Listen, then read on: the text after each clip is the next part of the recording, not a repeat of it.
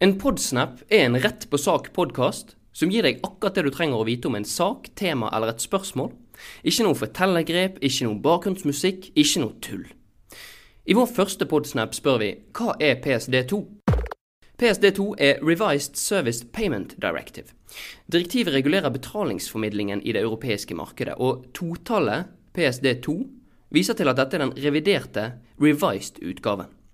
PSD2 ble i Norge vedtatt 16.11.2015, og etter planen trer direktivet i kraft i januar 2018. Hva vil det bety? Meningen er delte om det.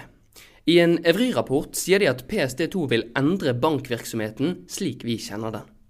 Kort forklart vil PSD2 gjøre bankenes infrastruktur mer tilgjengelig for selskaper som vil tilby betalingsrelaterte tjenester og produkter. Disse selskapene vil altså få tilgang til data som de ikke før har tilgang til. Som en konsekvens av dette er de fleste ganske sikre på at bankene vil få en hel haug av nye konkurrenter. Noen endring over natten når dette trer i kraft, det er det likevel ikke så mange som tror på. Noen bruker begrepet 'death by a thousand cuts', altså at endringene vil skje gradvis.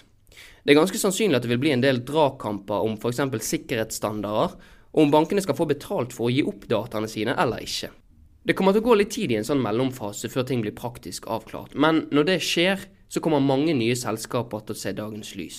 Selskaper som vil kunne konkurrere med bankene på det som frem til nå har vært deres egen hjemmebane. Betyr det noe for meg? Det kommer egentlig litt an på. For det at det vil oppstå mange nye tjenester laget av aktører som ikke finnes i dag, det betyr ikke nødvendigvis at du må bruke de. Men potensielt kan det bety store endringer for hvordan du forholder deg til banken din. Kanskje noe av det du gjør i dag og ikke kan se for deg å gjøre uten banken din, i fremtiden vil være helt unødig å blande banken inn i. Jeg har snakket med en del ledende finansfolk, og mange tror spesielt at to nye typer aktører vil oppstå når direktivet trer i kraft. For å holde tråden med de forvirrende firetegnsforkortelsene, så kalles disse PISP og ISP.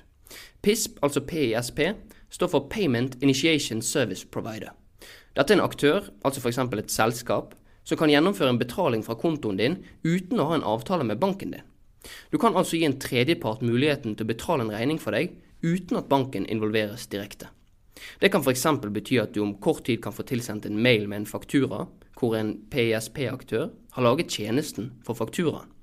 Det kan bli sånn at du bare trykker 'betal' inne i fakturaen, og så betales regningen. Du trenger ikke lenger å gå veien innom nettbanken din.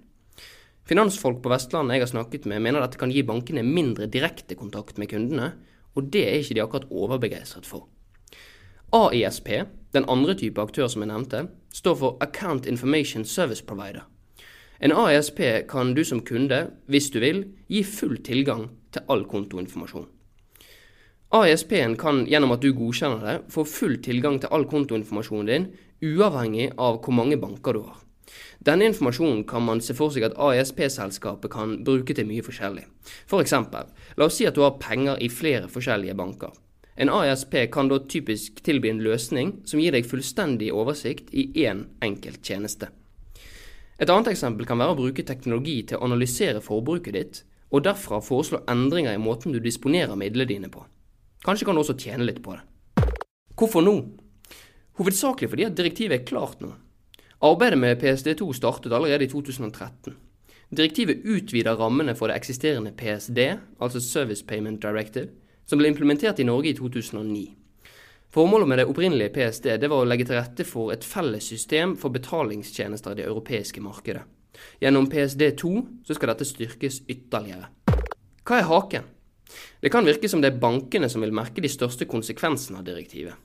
Kort forklart så vil de trolig få en helt ny verden av konkurrenter på tjenester som de frem til nå i stor grad har hatt monopol på å kunne tilby. Dette kan føre til en sterkere konkurranse som kanskje kan være bra for kundene.